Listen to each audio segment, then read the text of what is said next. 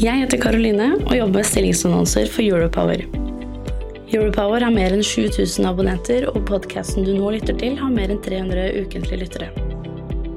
Hvis du er på jakt etter ny jobb, se stilling.europower.no. Ta også gjerne kontakt med meg dersom du ønsker å annonsere ledige IT-stillinger i fornybar energibransje.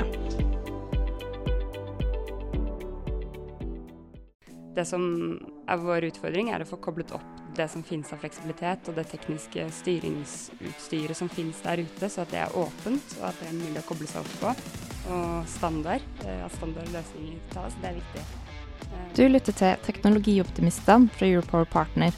Redaksjonen i Europower har ikke medvirka i denne produksjonen. Hei og velkommen til podkasten Teknologioptimistene.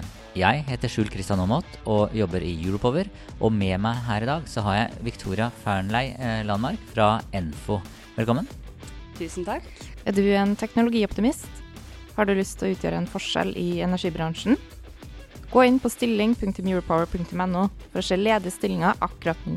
Først, Victoria, hvem er du? Jeg er daglig leder i Enfo. Eh, og teknologioptimist, eller teknologientusiast, som vi liker å kalle det her i Enfo. Uh. Eh, ja. Vi, uh, vi lever jo for å utvikle teknologi for det grønne skiftet her. Og, og det har vært en veldig spennende reise. Og, og den reisen skal vi inn på, men jeg vil Ja. bli mest, litt mer kjent med deg først. Hvis jeg hadde tatt mikrofonen rundt og spurt vennene dine om hvem du er, hvem er du? Jeg er, eh, jeg er fra Oslo eh, og bor i Oslo, og har vært en, en stund i Trondheim og studert. Hva studerte Eh, du der? Industriell økonomi, med fordypning innenfor ja, energi og miljø og optimering. Når var du der? I 2007 til 2012, så vi hadde akkurat tiårs-reunion, hvor, hvor vi feiret at det var ti år siden. Det er da jeg begynner å føle meg gammel. Jeg var ferdig for 20 år siden. Ja, tiden går fort når man har plutselig har begynt å jobbe uten noen ende. Eh, Ja. eh, hva mer vil vennene dine fortelle om deg? Eh, Eller si om jeg tror de vil si at jeg er eh, initiativrik um, og lojal. Eh, jeg liker veldig godt å tilbringe tiden med venner, og uh, det blir jo mindre og mindre tid til det. Jeg er småbarnsmamma, har to små jenter og uh, bruker mye tid på jobb, som alle andre også. Så uh, Hvor gamle er barna dine? de er eh, ett og tre år. Hvordan vil treåringen beskrive deg? Ja? Eh, jeg tror hun vil beskrive meg som veldig morsom. Jeg prøver å, å, å lage litt action hjemme og vil danser og synger og har det gøy. Og jeg tror hun vil beskrive meg som morsom. Min, jeg har tre, tre døtre selv, og hun mellomste på fem, nei seks nå, ble seks nå forrige uke. Eh, hun har lært seg hvordan, hvilken knapp hun skal trykke på, så hun spør meg pappa, hva velger du, kjærlighet til barna dine eller jobb? Jeg sliter litt med det samme nå om dagen. Med 'Mamma, du lovet jo ikke å gå på jobb lenger'. Har du en fun fact om deg selv, noe som ikke alle vet? Um, jeg, jeg er kanskje litt over snittet glad i krim. Eh, nordisk krim spesielt. Eh, lese bøker eller TV-serier. Eh, det er min avkobling, på en måte. Eh, Hva er den Ja. beste boka du har lest da? Eh, jeg er veldig glad i sånne serier eh, med krim, så akkurat nå er jeg faktisk på siste Harry Hole-boken igjen. Det er lenge siden jeg har vært innom, men det er kanskje litt sånn standardsvar. Men det er liksom den type jeg liker, da. Men det er bra da, det er jo en grunn til Yes. at eh, folk leser da. Yes. Ok, eh, du jobber i Enfo, leder Enfo. Hvem er Enfo? Vi er eh, som sagt en gjeng med teknologientusiaster eh, som eh, prøver å bygge løsninger for et mer fleksibelt energisystem. Um, og måten vi gjør det på, er jo å utvikle forretningsmodeller og teknologi for å kunne styre uh, de enhetene vi har i nettet i dag, så, så man kan utvikle nettet igjen på en mer bærekraftig måte. Og da må du forklare, for det, altså, det handler om fleksibilitet, uh, teknologi. Uh, altså, helt konkret, hva er det dere gjør? Ja. Fleksibilitet har jo blitt et mer kjent begrep etter hvert, men det fleksibilitet egentlig er, er muligheten til å kunne skru av eller på forbruk eller produksjon etter pris, f.eks. Det vi gjør, er at vi utstyrer eh, fleksible enheter med automatikk for å kunne styre det opp mot signaler fra kraftmarkedet. Um, og dette kan være at man deltar i et marked hvor det settes priser for å balansere nettet, eh, eller det kan være at man reagerer på nettleie eller strømpris. Så det betyr at uh, hvis pris Altså, jeg, jeg bruker jo noen apper hjemme, altså privat, eh, som gjør at jeg kan lade bilen når det er billig. Eh, er det den type løsninger for bedrifter, eller hvor Ja. kommer dere inn? Da er du fleksibel, fordi du justerer ditt forbruk etter et signal. Eh, det er her vi kommer inn, absolutt. Vi, vi har fokus på bedriftsmarkedet og på å styre forbruk eh, som finnes ute hos industri eller hos næringskunder.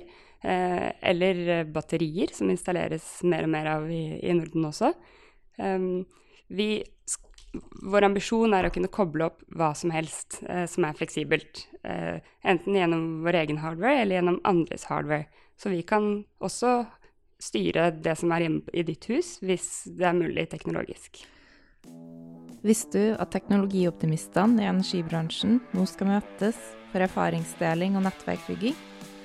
Gå inn på teknologioptimistene.no for mer informasjon om energibransjens IT-konferanse så er dere eid av eh, Agder Energi. Eh, Agder Energi skal fusjonere med, med Glitre. Eh, vil det ha noen følger for dere? Eh, det vil det mest sannsynlig ikke. Eh, Agder Energi har jo vært en veldig god eier for oss opp gjennom alle årene som vi har utviklet løsningen vår. Og det at selskapet blir større og har mer handlekraft, det tenker jeg bare er positivt for oss. Vi har allerede et veldig godt forhold til Glitre og har Glitre som kunde og samarbeidspartner med selskapene oss og, og andre aktører i Glitre, så det tror jeg bare blir en positiv utvikling for oss. Har du øvd deg på å si det? Eh, nei, egentlig ikke. Jeg tenker det kommer litt naturlig. Vi, vi har mye tette grensesnitt opp mot flere energiselskap i Norge, så, så det er bare positivt, tenker jeg. Podkasten Teknologioptimistene eh, er jo om og for eh, teknologer så hvis vi blir litt nerder, da, mm. eh, kan du forklare litt om teknologien som Enfo leverer? Ja, det kan jeg gjøre. Eh, hvis vi begynner nede på enheten, så for å kunne styre forbruk f.eks., for så er man nødt til å ha noe hardware som kan skru det av og på, og som f.eks. kan også respondere på frekvens, som vi begynner å se mer og mer av. Så da må man ut med utstyr og koble opp disse gatewayene, som også kan nås fra skyen. Um, så der har vi fått utviklet eget utstyr som egner seg veldig godt for markedene til Statnett. Eh, som måler med riktig oppløsning, og som kan koble ut når frekvensen endrer seg lokalt. Um, så det er en viktig del av pakka. Så det, er, så det, er, hardware? Det er rett og slett uh, noe som installatører kommer ut og kobler på? Ja, helt riktig. Uh, så da må man ha elektrikere som går ut og kobler det opp, og vi har spesialister hos oss som vet hvordan man skal gjøre det, og hva man skal koble opp. Um, og, og, dette kobles jo opp til uh, vår plattform, som vi kaller for FlexTools som da igjen kan styre de fleksible enhetene, og som kan lage bud og sende til markedsplasser. Og plattformen, da er vi eh, bevega oss vekk fra hardware, og da er vi på software i skyen? Ja, helt mm. riktig. Mm. Det er en skybasert tjeneste, og vi benytter Microsoft Asher som så mange andre, og mange av de innebygde tjenestene som de kan levere for både prognostisering og datastrømmer, og, eh, og også da API-er som vi har ut mot andre aktører. Og så nevnte du legge inn bud. Det må mm. du forklare. Ja. Um, og det er kanskje det som skiller oss fra mange andre som driver med energistyring. Det er at vi kan tilby å sende uh, bud på fleksibilitet til markedsplasser. Uh, og da er det markedsaktører som gjør dette i vår plattform, som da er strømleverandørene. Uh, og de legger da inn et bud med en, med en portefølje med fleksibelt forbruk. Det kan være f.eks. 5 megawatt med fleksibilitet fra en kombinasjon av forbruk og batterier eh, og eh, både større og mindre forbruksenheter.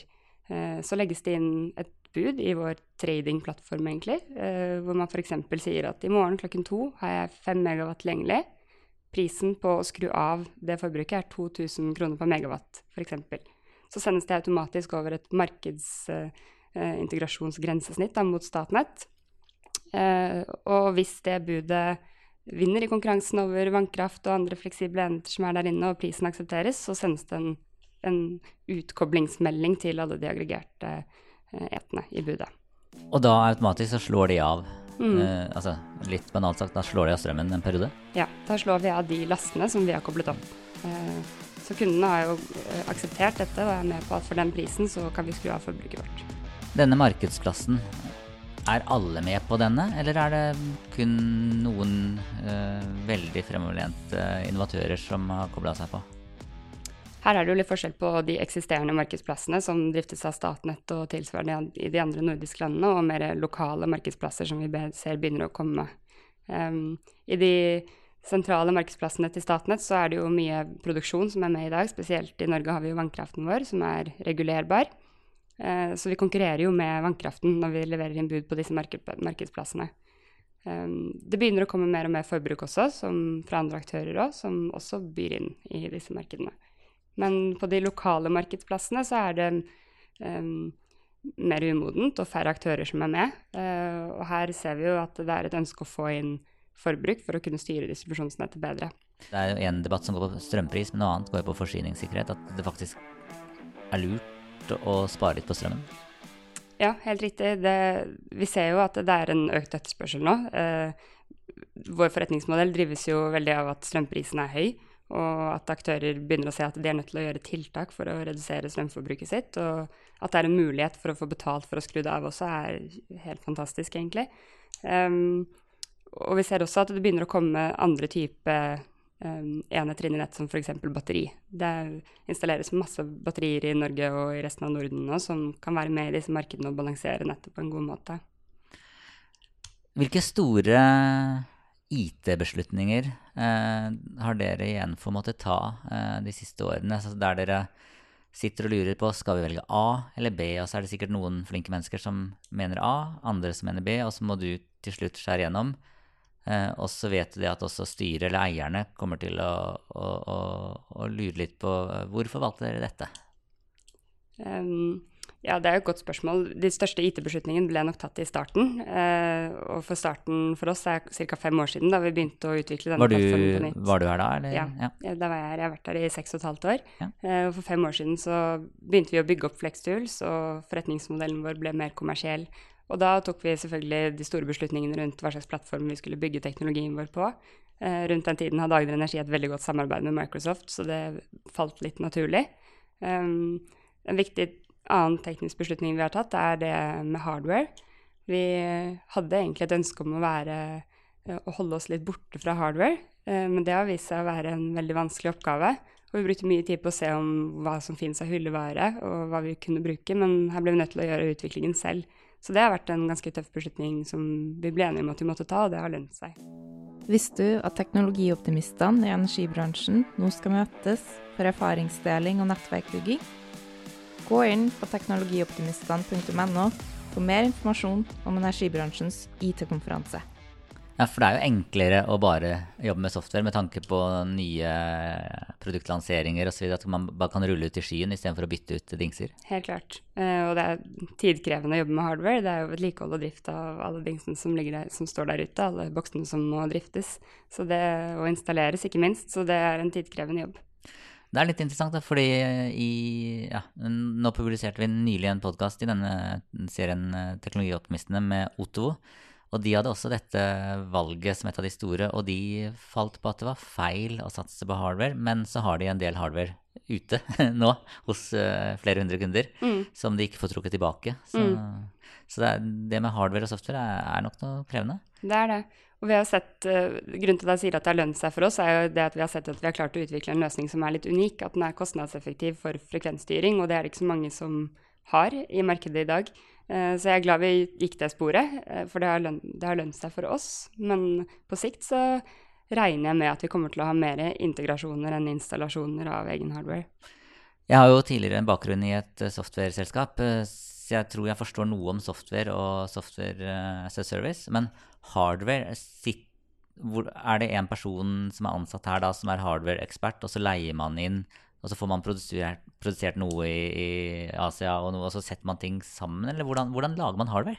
Det er et godt spørsmål. Vi, vi, har jo eh, begynt med å utvikle det selv. Så vi har hatt folk hos oss som har vært gode på å sette sammen en god pakke rett og slett, av hva vi trenger eh, av komponenter og hvordan det skal se ut. Um, og vi har også gjort mye av uh, sammensetningen og oppsettet og utsending og gjort alt dette selv. Eh, men nå når vi begynner å bli større og begynner å få større etterspørsel etter utstyret vårt, så gjør vi som så mange andre en profesjonalisering hvor vi får en partner som gjør dette for oss.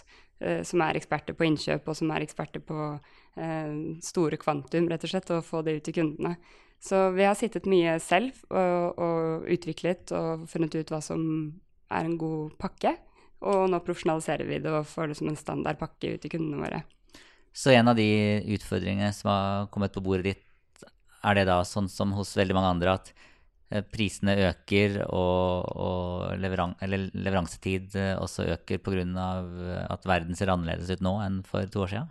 Ja, helt klart. Vi ser veldig lange leveransetider på utstyr. Eh, og vi har klart oss uh, veldig godt så langt. Og nå har vi fått en profesjonell partner som følger med i markedet og ser hvilke problemkomponenter vi vil komme til å få, uh, og gjør gode beslutninger på det tidlig. Så, men det er absolutt en stor risiko vi har. Skulle du av og til ønske at dere bare var software? Ja, eh, egentlig. Men eh, som sagt så har det vært en suksesshistorie med den hardwaren som vi har fått utviklet, så eh, jeg er glad vi gjorde det. Ja. ja. Fremover de nærmeste årene, hva er de store beslutningene eh, du og teamet ditt må fatte da når det gjelder IT og software? Um, når du stiller det spørsmålet, så tenker jeg um, mest kommersielt, naturlig nok, For det er det som kommer til å drive oss fremover. Men det som er viktig på teknologisiden, er jo å sørge for at vi har en, en skalerbar plattform som er mulig å benytte i andre land enn bare Norge og Norden. Um, vi ser jo at uh, software, det kan jo um, implementeres overalt. Uh, det som er vår utfordring, er å få koblet opp det som finnes av fleksibilitet, og det tekniske styringsutstyret som finnes der ute, så at det er åpent, og at det er mulig å koble seg opp på. Og standard, uh, at standardløsninger tas, det er viktig. Um, jeg tror vi kommer til å ha mest utfordringer på integrasjonssiden, både på å få koblet opp styringssystemet, men også på å koble oss til markedene. Her det, må det jo også benyttes integrasjoner for å kunne sende bud og ha meldingsutveksling med kjøperne. Nå har jeg hatt eh, Vi starta jo denne podkastserien i år. Og har vel hatt ja, mellom 15 og 20 innspillinger. Alle prater om eh, det som en utfordring, det også at systemer skal snakke sammen. Er det så mange rare systemer der ute, eller mange, er det så mange siloer? Jeg tror ikke nødvendigvis det er det. Og det er jo mange nye teknologiselskap som har valgt å jobbe skybasert og jobb, valgt å jobbe med de standardplattformene som finnes der ute, og da er det ikke utfordrende. Men det som er utfordrende med å jobbe med integrasjoner og jobbe med mange i den tekniske sfæren rundt seg, er jo forretningsmodellen rundt det. Og etablere gode samarbeid og passe på at ikke verdikjeden blir altfor lang. Uh, og hva er de største altså er, det, er det forretningsmodellene som er de største utfordringene for software, hvis du ser bort fra hardwaren deres, eh, software-selskaper som skal lykkes uh, i energibransjen? Nei, jeg tror ikke det er forretningsmodellene. Jeg tror det eh, For vår del er det mye regulatorisk. og det er ikke bare det at vi selger software til energibransjen, det er at vi selger en helt ny um, forretningsmodell og en helt nytt virksomhetsområde, uh, som er handel med fleksibilitet. Det er noe som ingen egentlig gjør i dag i drift. Så det å selge inn hele konseptet, det er vår største utfordring. Å få alle aktørene i bransjen til å stole på teknologien og stole på en markedsplass som et alternativ til å bygge ut mer nett. Uh, nå er jo dere et eget selskap og et teknologimiljø. Eh, men det er mange store, tunge miljøer i bransjen der man er veldig bundet av hvordan man har gjort det før. Henger bransjen, altså energi, fornybar energibransje, henger de med på teknologien, eller er de litt eh, Eller skulle du ønske de var mer fremoverlent? Det er litt vanskelig for meg å svare på, siden vi ikke jobber med å måte, implementere vår teknologi i eksisterende prosesser og eksisterende virksomhetsområder. Men eh, vi ser jo at det er eh, noe som skal til før alle tør å bruke teknologien som en del av hverdagen sin. Eh, og da snakker jeg egentlig mer om å bruke teknologi til å koble ut forbruk og stole på batteriteknologi og, og, og på en måte stole på hele den verdikjeden, da, mer enn å bare bruke teknologi. For det, det opplever jeg at uh, i hvert fall våre eier er ganske modne på. Hvem er det Enfo selger til? Altså, hvem, hva slags rolle sitter på andre siden av bordet når, når teamet ditt skal overbevise noen? Det er primært strømleverandørene, eh, også kalt de balanseansvarlige i, i, kraftmarkedet. Så det er de som selger strømmen til bedriftskunder eller sluttkunder. Det er vår hovedkunde. Og hvis du tar inn hos hovedkunden, hva slags stilling har den personen som beslutter for det, dette, er, dette er både forretning og teknologi, og det er jo mange ting Man må jo stole på teknologien, men så må det passe inn i forretningsmodellen. Mm. Eh, vi begynner ofte å snakke med de som eh, kanskje jobber med forretningsutvikling, eller de som ser på eh, energistyring som en ny type tjeneste. Eh, for det er ofte de som har fått øynene opp for fleksibilitet og for de tekniske løsningene som finnes der ute. Eh, men det som fort blir veldig viktig, er å snakke med de som er selgere eh, ute hos strømkunden, for det er de som snakker med alle strømkundene og vet hva deres behov er. Så veldig raskt så involveres da de som driver med strømsalg. Um, og etter hvert er det også nødvendig å involvere de som driver med handel. For det er de som sitter og bruker plattformen vår daglig etter at uh, kunden er koblet opp. Så et kanskje litt personlig spørsmål. Jeg, jeg har bygd et selskap. Og så var jeg Og tre ganger underveis der så fikk jeg barn. Og så var jeg hjemme. Og så var det, ekstre, det var ekstremt krevende å sitte hjemme eh, og, og, og, og, vite at jeg ikke visste alt som skjedde. Eh, og, ikke få være med på alle beslutninger. Eh, hvordan har det vært for deg som leder å droppe det spørsmålet med kvinne osv.? For det er derfor jeg tar meg selv også mm. som et eksempel. Men hvordan har det vært som leder å være borte fra jobb i perioder eh, når du vet at du skal tilbake og styre skuta videre? kjempevanskelig. Eh, jeg har ikke klart å holde meg unna. Jeg har eh, eh, ja, tiden som de siste fem årene har jeg vært ute i permisjon to ganger. Og jeg syns det har vært så vanskelig, for jeg syns det er så gøy det vi driver med, å følge med og være med på utviklingen. Så jeg har hatt en veldig snill svigermor som har vært inne og passet en gang i uken, så jeg har kunnet være her på jobb en dag i uken i begge mine permisjoner, og det det har jeg trengt. Eh, jeg vet ikke om kollegaene mine har trengt det, men jeg har trengt det for å være med og følge med på hva som skjer, og eh, ja, rett og slett følge med. Ja, da ligner vi på hverandre. Jeg har et uh, siste spørsmål som jeg pleier å ta i, i, hver episode. Og det er min første datamaskin var en Amiga 500. Uh, hva var din første datamaskin? Eh, jeg vet at du stiller dette spørsmålet til alle som er gjester, så jeg måtte tenke meg godt om. Og det eneste jeg husker, er da jeg fikk min første laptop. Da var jeg 14 år. Eh, det var i 2002. Eh, og da hadde vi jo lenge hatt en stasjonær PC i familien, jeg, som jeg også brukte masse. Jeg hadde en pappa som jobbet i IT, så han, han var, hadde nok det beste utstyret. Men jeg var ingen spesiell datanerd, men jeg drev litt med dataspill og brenne CD-er og brukte mye tid på det. Men jeg husker ikke hva slags type laptop det var. Det er helt greit. Da vil jeg si tusen takk til deg, eh, Victoria Fearnley eh, Danmark. Eh, tusen takk til deg som har lyttet til Teknologioptimistene. Eh, jeg heter Skjult Kristian Aamodt og jobber i Europower, og jeg er en teknologioptimist. Og, og hva er du, Victoria? Jeg er en teknologientusiast. Det er like bra, kanskje bedre. tusen takk. takk. Visste du at teknologioptimistene i energibransjen nå skal møtes for erfaringsdeling og nettverkbygging? Gå inn på teknologioptimistene.no for mer informasjon om energibransjens IT-konferanse.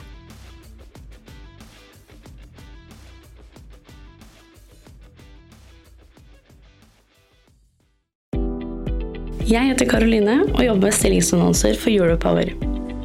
Europower har mer enn 7000 abonnenter, og podkasten du nå lytter til, har mer enn 300 ukentlige lyttere. Hvis du er på jakt etter ny jobb, se stilling.europower.no. Ta også gjerne kontakt med meg dersom du ønsker å annonsere ledige IT-stillinger i fornybar energibransje.